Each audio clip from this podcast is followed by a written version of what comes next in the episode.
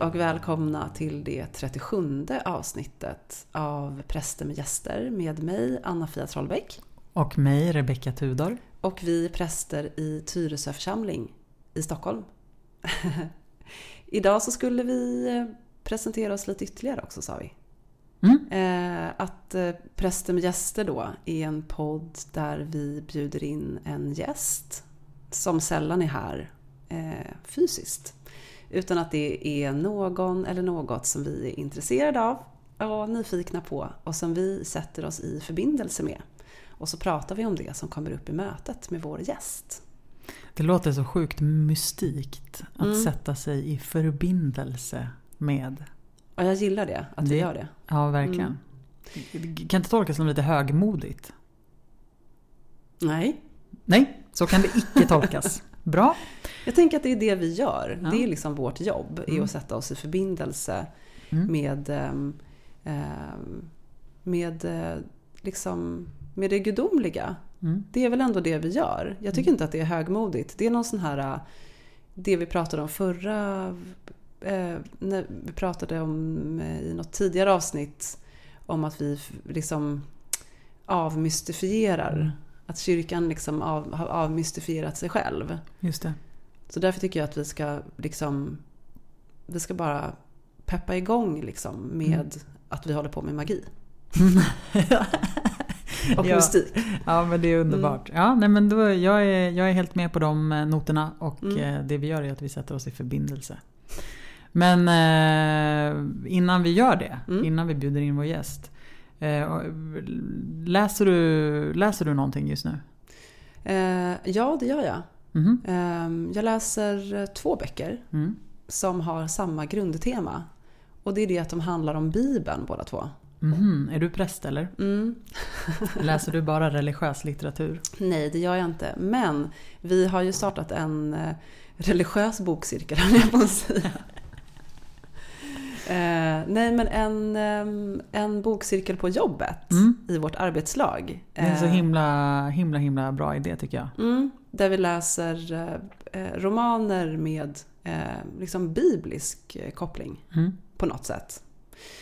Så att vi, den första boken vi läste är en bok som heter Simpson. Mm. Som handlar om då berättelsen om Simpson och Delilah. Mm. Just det. Som vi också har pratat om Mm. här. Och nu så håller vi på och nu ska vi läsa boken som heter Boken av Niklas Rådström. Och som är eh, Bibeln. Han skriver, det är liksom Bibeln i romanform.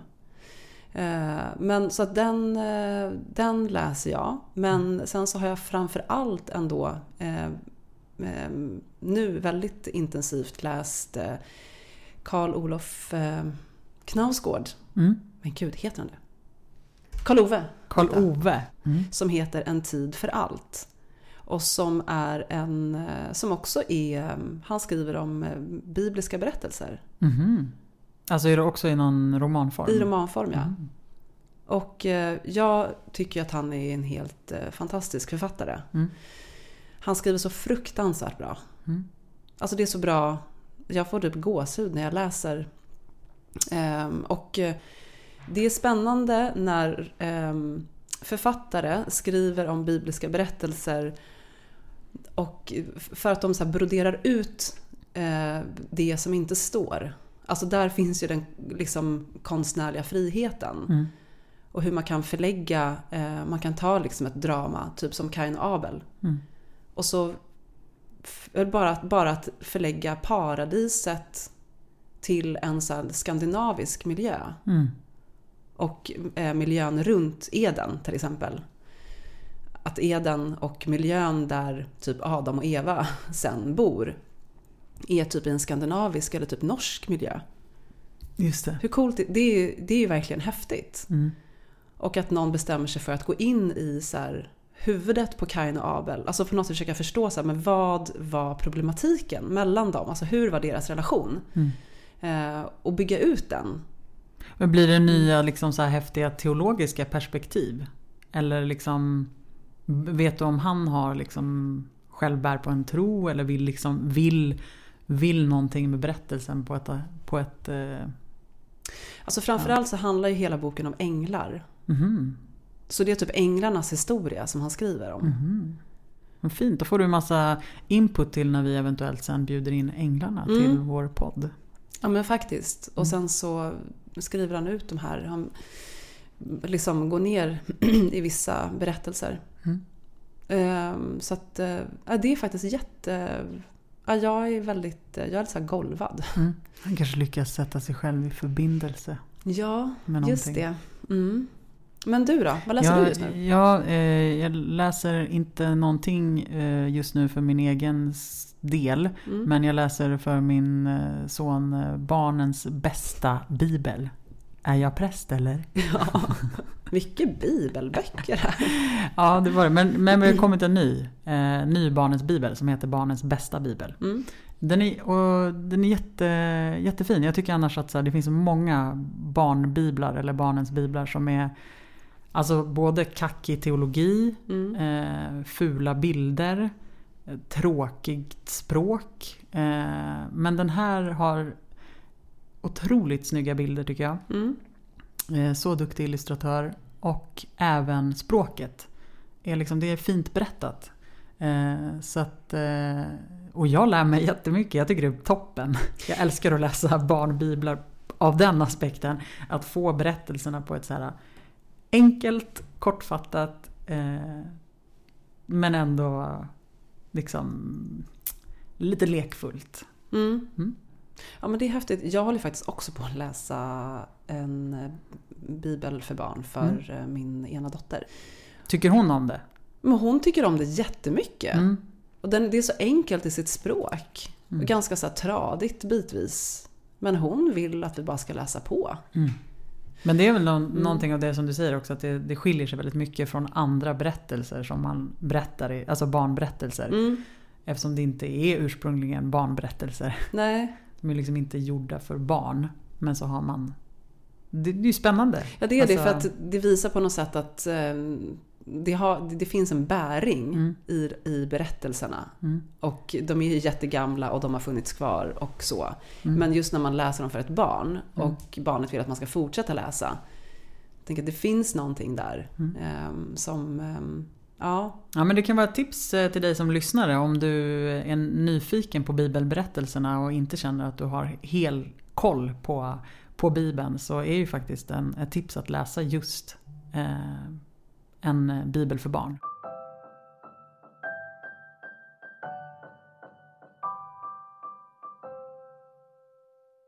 Någon som det inte står om i bibeln, mm. det är dagens gäst. ja det är det. Bra övergång. nu ska jag bjuda in dagens gäst. Ehm, och idag så säger vi välkommen in, hon skrider in. Lucia.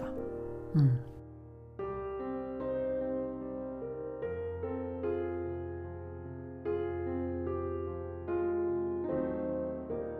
Lucia är latin och betyder lysande eller ljusbärerska.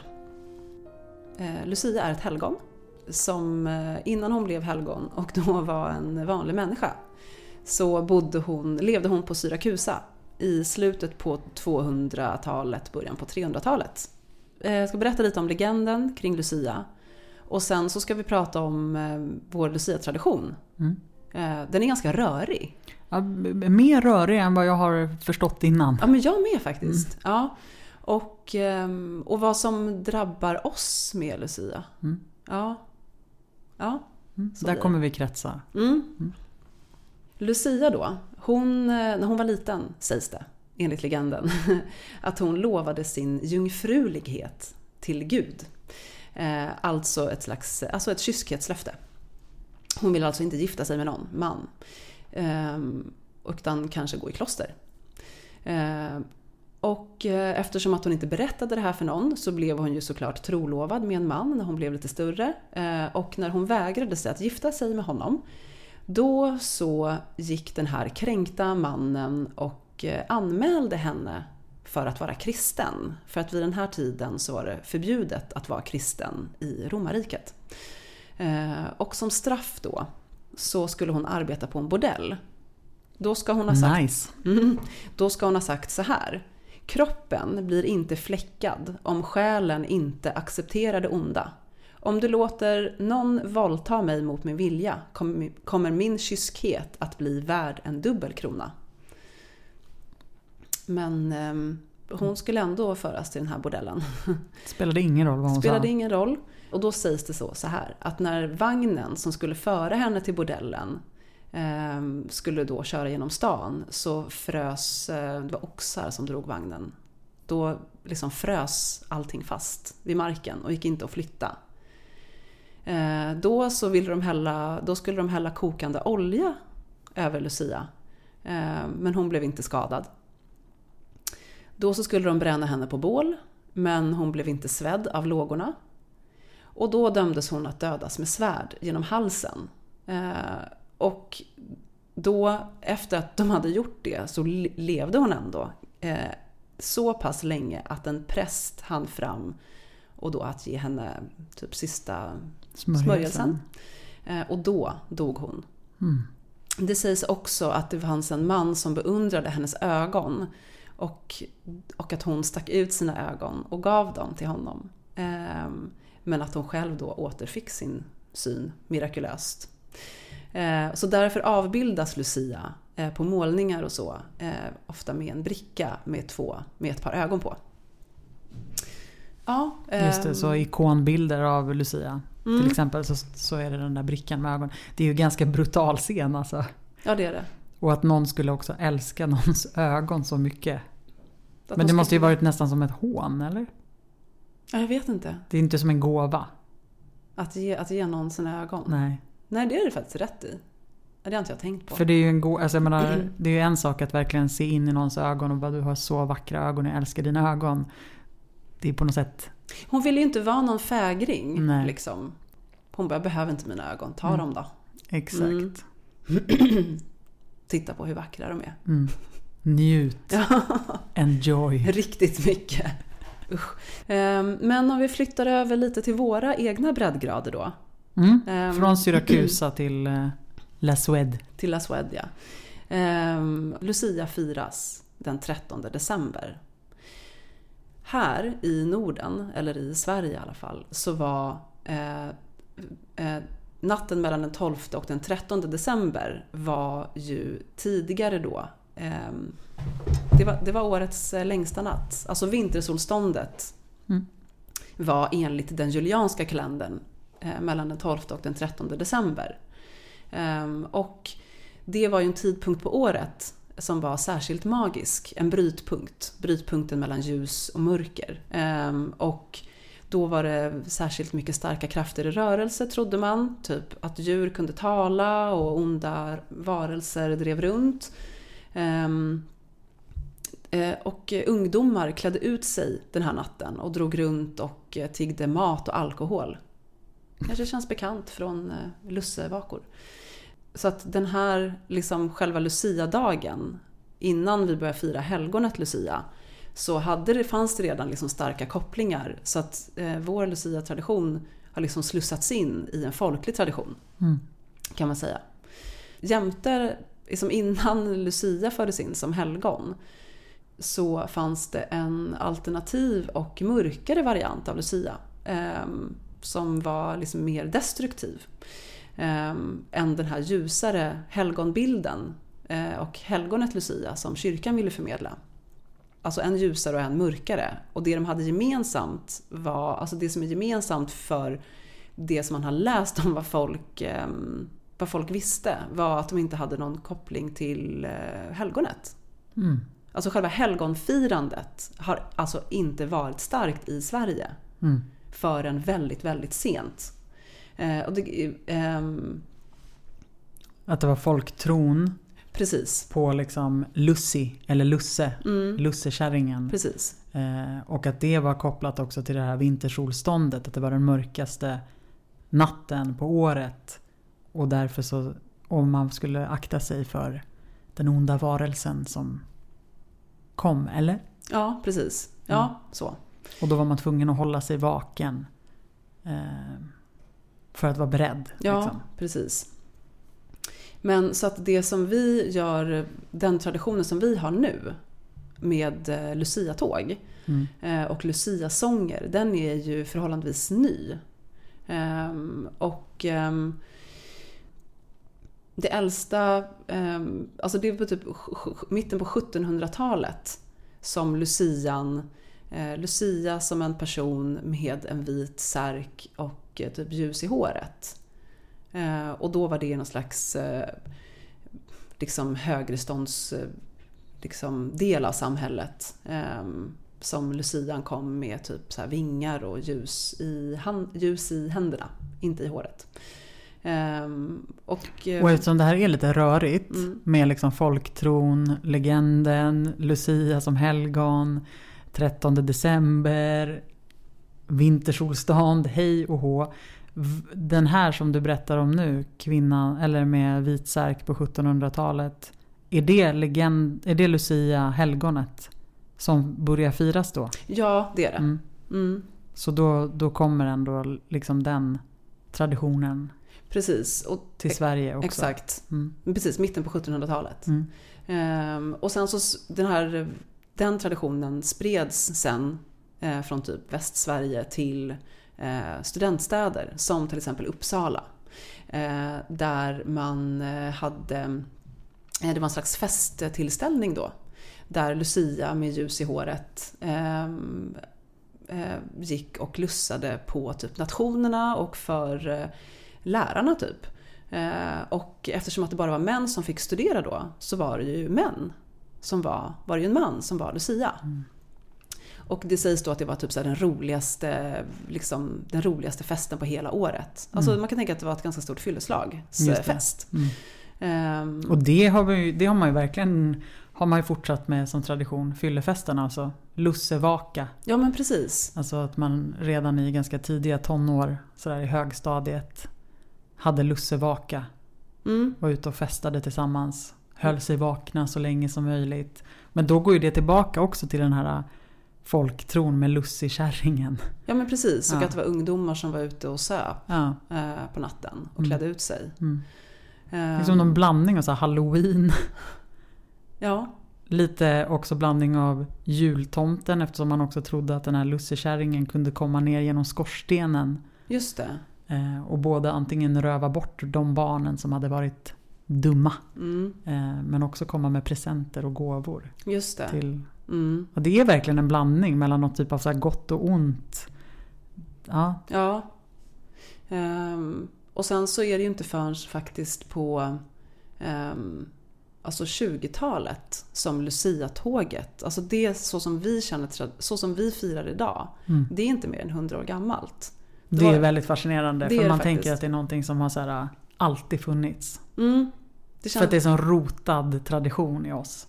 Och den är så bestämd. Mm. Den är liksom precis och exakt Mm. och vi vet hur vi ska göra. Mm. Så det är klart att vi har alltid gjort det här. Mm. Men alltid är ju ett relativt, eh, det är ett relativt begrepp, verkligen.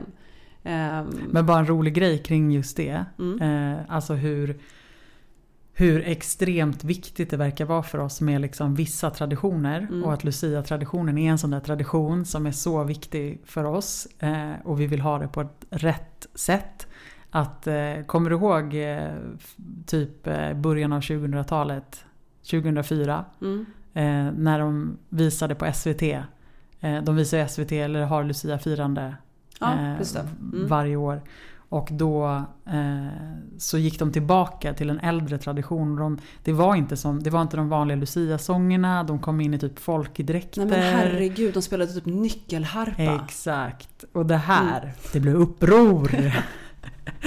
Du vet folk liksom ringde in och klagade och Ring Man hade P1 blivit- var ju bara så här. Precis, Ja. man hade liksom blivit berövad sitt Lucia-tåg. Ja, men att, och Mm. jag, jag, jag, jag minns, i och för sig så, så här, för att jag som många andra då har ju traditionen av att just gå upp tidigt på morgonen, sitta tillsammans med Mm. familjen och titta på SVT Lucia morgon. Alltid gjort det som barn och fortsatte som vuxen. Och, och jag menar vi hade alltid en tendens lite att sitta och klaga när vi Mm. inte tyckte att det var så som vi ville att det Ja. skulle vara. Men just det där året alltså, jag minns det. Alltså jag kommer ihåg att Ja. jag var en av dem som, nu ringde inte jag Ring P1, Men, Nej, men jag det var samma jag, känsla ja. jag hade. jag tror att jag typ stängde av TVn. Det Ja, här blir går för- inte titta på. Nej. Vad är det här? Fick inget Lucia-tåg. Helt kränkt. Jag blir inte kränkt så himla ofta. Men jag blev det då. Och då kan man ju tycka att det är Mm. lite, då känns det ju verkligen som att så här, det här är en tradition vi alltid Mm. har haft liksom. Precis. Och så bara, hmm, nej, den är inte så gammal den traditionen. Nej, den är inte det. Och det var faktiskt inte ens, det är inte ens liksom kyrkans förtjänst, Mm. ska sägas. Med, det, eh, med att sprida Lucia-tåget i Sverige. Utan det var ju dels att det stod i en, att det var en tidning som ordnade, Mm. en, eller det hette den Stockholms Dagblad som eh, ordnade det första Lucia-tåget. Och sen så utvecklades det till de här skönhetstävlingarna. ehm, när man skulle ehm, välja en, ehm, liksom vem som skulle vara Lucia. Ehm, och, ehm, och att det var då en... ehm, ja men det, det var liksom en... Det, det blev en del av liksom vårt välfärdssamhälle, alltså en del av folkhemmets eh, framväxt har jag, har jag läst mig till. Ehm, Alltså då en så positiv händelse som gjorde att vi kunde känna så samhörighet. Mm. Ehm, Och att den inte var från början religiös då, Mm. utan att den liksom har fått, den har liksom, den har liksom sugit, sen sögs den liksom upp av, av, eh, av kyrkan och vårt liksom traditionsfirande. Liksom. Men att det då typ var så här skolorna, vårdhem, sjukhus och genom folkrörelserna som Lucia-firandet spreds. Mm. Ehm, Och liksom genom det som det blev en nationell symbol. Mm. Och det är ju också väldigt ehm, det är spännande för jag har inte, det visste inte jag. Jag har inte tänkt på det så utan det liksom, hon har blivit så, Lucia och Lucia-tåget är så väl förankrat i kyrkan. Mm. Ehm, Så att det känns också som ett alltid. Så här har det alltid varit. Mm. Men hon, det är ju inte ens hundra år gammalt.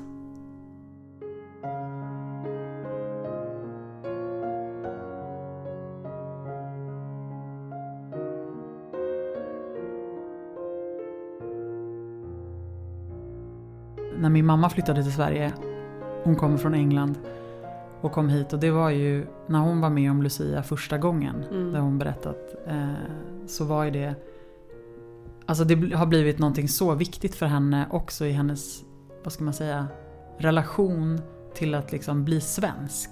Mm. Så, Mm. så har liksom Lucia varit en, en jättestark och viktig del av att så här, tillhöra det svenska samhället och att bli svensk. Mm. Och att, hon, att om hon, hon har sagt att om hon någon gång skulle lämna Sverige så är det liksom Lucia skulle hon sakna så mycket. Men, och du berättade ju om den här gamla traditionen med universiteten. Mm. Eh, att man eh, lussade eh, på universiteten. Mm. Och, för, ja. och det sa hon också att när hon träffade min systers pappa som jobbade på universitetet. Då Mm. kom ju, det var hennes första möte med Lucia. Det var ju alltså att studenter kom hem till dem. Gick in i deras sovrum. Iklädda sina vita liksom, eh, dräkter och, och ljus och sjöng. Det, det är så otroligt speciell. Och jag sa det, jag bara, men de, alltså, det kan ju inte ha varit så att alla studenter gick hem till alla lärare. Det är helt orimligt. Ja, Nej, det var en ära om studenterna kom hem till en. just det. Eh, så det var något ärofyllt. Men jag kan också se liksom den här eh, känslan, det blir väldigt, väldigt privat. Att liksom tänka att studenter kom hem till sina lärare in i deras sovrum tidigt på morgonen. Ja, precis. Och det här är ju någonting som man också gör för de nobelpristagare som, som stannar kvar i Stockholm några dagar efter Nobeldagen. Då blir de lussade för på sina hotellrum på Mm. Grand Hotel. Mm. Det finns en film som heter The Wife som handlar om en nobelpristagare i litteratur och hur han då åker till Stockholm med sin fru. Och eh, en scen i den här filmen då är när det, när det, när det kommer ett sånt här litet Lucia-tåg och de blir helt skräckslagna. Alltså plötsligt öppnas dörren, man ligger och sover och så bara kommer det in en liksom gestalt med liksom ljus i håret och sjunger så konstiga sånger. Och så kanske också typ så Staffans, eh, du vet med strutarna. Precis. Det är klart att om man aldrig har varit med om det så kan man ju förstå att det är lite skrämmande också. Lite skrämmande ja. Mm. ja. Vi bara, åh allting är så vackert. Mm, Eh, Men vi är ju uppväxta med det. mm.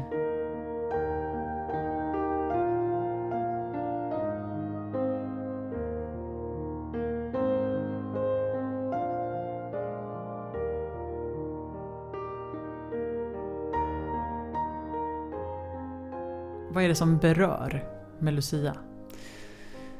Alltså jag har funderat på det. Men jag blir otroligt berörd. Ja, du börjar ju nästan gråta bara av att här, säga ordet Lucia. Bara tänka på ett Lucia-tåg Mm. så blir jag, blir jag, näst, det blir jag typ tårögd. Mm. Varför då? Ja, men, om man, det är någonting med den här... ehm, just, för det är någonting med, verkligen med upplevelsen. Eh, att sitta i mörkret och vänta. Och sen hör man den här sången. Och sen kommer det liksom... Alltså det måste vara någonting med att det är ljuset som kommer in i mörkret. Mm. Till den här, så här änglasången. Alltså det är ju typ så vackra sånger. Mm. Ehm, och att man just sjunger om ljuset. Mm. Att hon bara så här, att hon typ skrider in. eh, och liksom resten av tåget också. Lucia skulle inte vara någonting heller utan sitt tåg. Sina tärnor och stjärngossar. Och, eh, och att vi liksom är så mycket i mörkret. Vi, är, vi lever i mörkret nu. Det är den mörkaste tiden på Mm. året. Ehm, och, och då så bara blir det helt upplyst liksom inifrån. Mm. Jag har svårt att sätta ord så exakt på, men det är, det är den där brytningen tror jag. ehm, som gör, och att sångerna handlar också om det. Mm. Och att det är liksom sinnena som... Det är, det är bara sinnena som blir aktiverade. Det är ingenting som jag behöver ta in. Eh, jag tänker inte. Alltså jag behöver inte använda mitt intellekt Mm. när det handlar om Lucia. Utan det är typ... Eh, det är ju det är bara som de andra sinnena som aktiveras. Och eh, jag kan i alla fall inte... Eh, jag kan inte riktigt värja mig mot det. Ehm, Nej men det är väl också som vi har varit inne på och snackat om förut med i gudstjänsten, alltså att det är i att vi ja, men får plocka bort det som har med vårt, bara med vårt intellekt att göra, att vi får just vara med om någonting som talar till liksom hela kroppen och Mm. själen och hjärtat. Liksom går in direkt. Och det är ju förstås stämningen. Jag tänker också att det är helt klart mörkret och ljuset i liksom relation till varandra. mm, Så det är det här dunkla och så det här tysta. Det är ju alltid så tyst innan ett Lucia-tåg. ja, Alla sitter ju helt knäpptysta. man kan typ ta på den här tystnaden. Som är så här, Ja men för det är som att när man går in i en kyrka, som är, om det är en kyrka till exempel Mm. som man är i. När det är nersläckt. Det har vi pratat om förut att, att rummet i sig gör ofta att människor blir tysta. Mm. Alltså att man, så här, mm, man går ner i någonting annat. Liksom. Alltid. Men när det också är mörkt och ljus tända. Det är inte ens, nej, vid Lucia så är det inte ens ett ljus tänt ofta. nej. Det är ju ofta helt Mm. nersläckt i kyrkan för att det är ju just Lucia-tåget som kommer in med ljuset. Gud, jag får typ gåshud. Och så kommer de fram och så, alltså, ja, så jag tror det är ju det. Liksom. Mm. Det är en sån, eh, och så finns det ju en förväntan i luften. Ja, För att man vet vad man Mm. snart ska få vara med om. Och så Ängla-sången som du sa.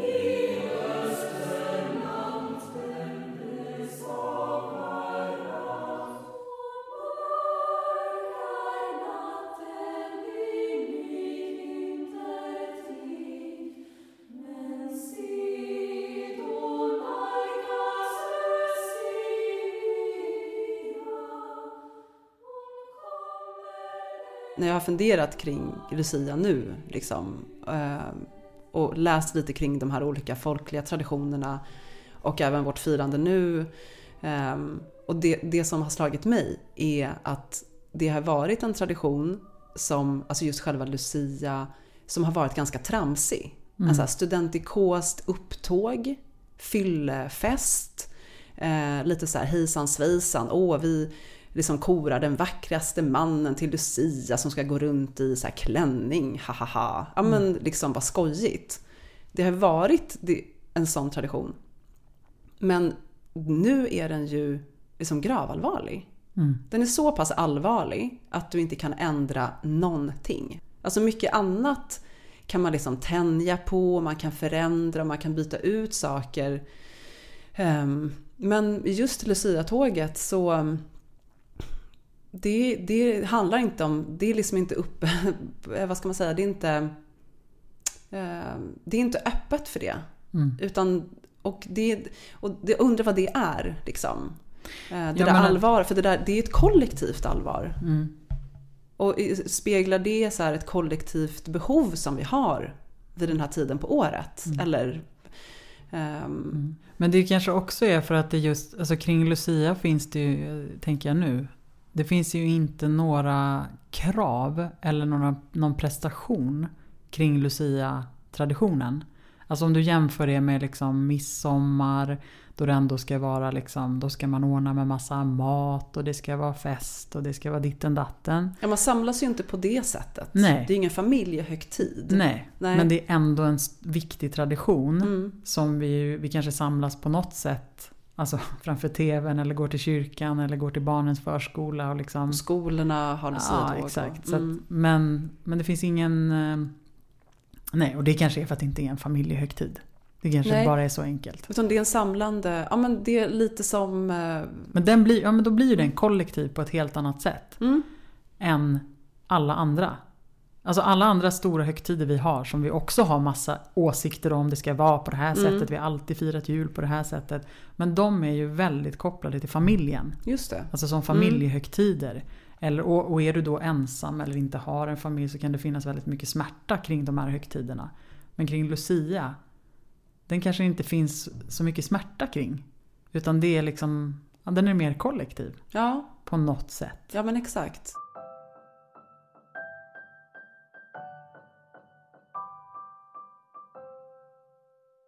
Man kan ju också bli ganska trött på att människor kan bli så arga över när typ traditioner ändras. Jag Mm. tänker på det där året då. Ja. när SVT valde att, att göra ett annat upplägg. Eh, så kan man ju också känna sig lite så här, men kom igen nu liksom. Folket, är vi inte större än så här? Och, Kan ja. vi inte med det? Men Mm. jag ska ge andra exempel. För den, där kan jag ändå känna att nej men vi vill ha, Ja. vi vill ha våra Lucia-sånger. Eh, men jag kommer också ihåg typ eh, Ja men det var någon, eh, någon skola där det, där det var just en pojke som Mm. skulle vara Lucia. Just det. Då blev det massa rabalder kring det. Rickard Söderberg, operasångaren, Mm. var ju Lucia på Nordiska museet tror jag, för Ja. ett par år sedan. Eh, då blir det massa rabalder kring det. Mm. Sånt kan man väl ändå känna är lite tröttsamt. Ja, Eller? det spelar inte mig någon roll Nej, faktiskt. utan då är det, så, så man kan ändå få tänja lite på liksom det normativa kring Lucia. Ja, men, ja, Eller hur? ja det tycker Mm. jag. Mm. Men, men vi vill ha sångerna, vi vill ha tåget. Eh, De ska ha vita särkar. exakt. Sen om det är liksom lingonkransar eller guldkrona eller liksom Mm. glitter. Det må vara. Det kan man få välja. Det får man välja. Jag älskar att vi ändå sätter upp ramarna. Liksom, vi kan väl... Ja, men det är okej med det här, men Mm. inte med det här. Nej, men det är som det här med liksom hur många olika typer av liksom Lucia-tågs... Eh, ehm, liksom vad man nu får vara i Lucia-tåg. Bara, Jag har en kompis som ska vara julkula. Man bara, eller typ paket. Alltså då, jag bara, jaha, typ till min son för några år sedan. Jag bara, jaha, typ gick in på toaletten och bara, det är inte okej. Nej, just det. Så de som får finnas med då, enligt dig Anna-Fia, det är Lucia, det är tärnor, Tärnor? det är Stjärngossar. stjärngossar. Tar det Ja. slut där eller? Alltså det, det räcker för mig. Mm. Men tomtar är okej. Pepparkaksgubbar? Ja men alltså då har pratar vi om förskoletåget. Mm. Mm. Mm. Men i förskoletåget får inga jul, eh, julkulor eller julpaket vara med. Inte de stora Lucia-tågen.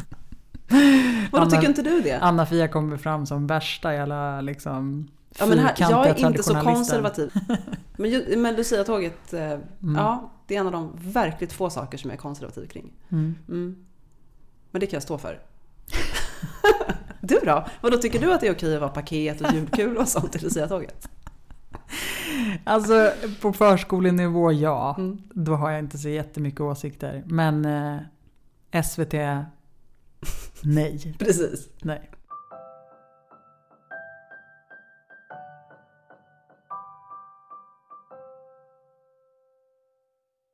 Men har du varit Lucia någon gång? Det, ja, jag har faktiskt det. Mm. Ehm, när jag gick i tvåan, alltså när jag var åtta år. Och då var det du som var Lucia själv? Nej, vi var två. Mm. Det där är ju också så Ja. roligt. Eh, tror att, och, men det var ju så här knäppt. Åtta år och, vi, och det skulle röstas. Ja. Det är ju helt absurt. Nej, men så hoppas jag att man inte gör längre. Nej, jag hoppas jag. Jag tror faktiskt inte man gör det. Mm. Men då var det jag och en till som fick lika många röster. Mm. Men jag kom att jag blev jätteförvånad. För jag var så här, men gud, jag har ju inte jättelångt hår. Men om jag nu då får vara lite konservativ. Mm. Det tycker jag inte är okej att det är två Lucia. det ska vara en Lucia. Ja, det ska jag väl säga. Och om jag ska resonera som jag gjorde när jag gick i mellanhögstadiet. När jag då fick vara Lucia Mm. ett år. Mm. Röstades också faktiskt. Mm. Eh, då gick jag ju runt och var så här äh, kaxig över att bara, Lucia var faktiskt från Italien. Hon hade mörkt hår, inte blont. Då hade jag liksom någon sån här, äh, var förbannad över att årets Lucia alltid var blond. Just det. Och att jag hade massa åsikter kring det. Mm. Och jag visste att Lucia kom från Italien. Och där har man mörkt hår. så då liksom gick jag och typ så här, berättade för alla att de borde rösta på mig för att jag har mörkt hår. Just, aha, Så jag är mest lik så. Lucia. Du körde en sån här kampanj. Ja, gud Mm. ja. ja, det var kanske inte i mellan eller högstadiet. Det kanske var när jag var yngre. Jag, jag minns inte exakt. Men jag var Lucia ett Och år i då minns du inte när du var hur gammal Jag vet, nej. För att jag blandar lite ihop det, men så här funkar ju jag. Mm. Jag blandar ihop minnen och... Ja. Jag har varit Lucia, det minns jag. Och jag var stolt som fan. Mm. För att koppla tillbaka till eh, eh, kyrkan då. Så tycker jag också att en annan sak som har slagit mig. Att vi i en kyrka idag, liksom, eh, vi har inga helgon i vår protestantiska kyrka. Eh, och vi är väldigt mycket i vårt eh, intellekt. Eh, så här, ordet i centrum och så. Men med Lucia, då är det som att vi bara... Det bara tar vi bort. Och så bygger vi upp en högtid Mm. som bara handlar om det här med sinnena. Mm. Och att bara ta in någonting med sinnena. Och plötsligt firar vi ett helgon. Och plötsligt firar vi ett helgon. Dessutom. Mm. Och bygger mycket kring det helgonet. Mm. Alltså Svenska kyrkan har ju så en insamlingskampanj. Där man ehm, till så här flickors rätt till, ehm, till bra liv och så. Ut i världen, internationellt. Och då så använder man Lucia som en förebild och så. Mm. Ja men precis. Vi, vi kompromissar lite. Ja, precis. Men just det här med liksom hur, hur mycket vi är i huvudet och att Lucia i- Lucia-firandet bygger inte på det. Lucia handlar om att vi bara tar in det med alla andra sinnen. Mm. Och det, det, är- ja, det tycker jag är häftigt. Mm.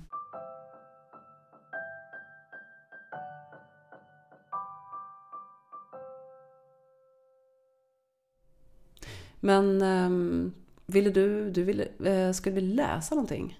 Ja, vi Mm. avslutar med att läsa en dikt eh, som gavs ut 1920 Mm. av Erik Blomberg. Och idag finns den också som en psalm i Svenska kyrkans psalmbok. Psalm 797. Var inte rädd för mörkret, ty ljuset vilar där. Vi ser ju inga stjärnor där inte ett mörker är. I ljusa irisringen du bär en mörk pupill. Ty mörkt är allt som ljuset med bävan längtar till. Var inte rädd för mörkret, ty ljuset vilar där. Var inte rädd för mörkret, som ljusets hjärta bär.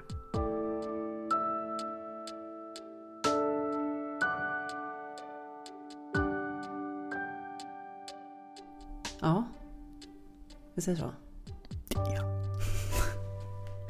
Hej då. Vi hörs igen eh, nästa vecka hoppas jag. Eh, det gör vi. Man kan också, jo, en grej ska jag säga faktiskt. Jag har ju faktiskt en adventskalender. Mm. Mm.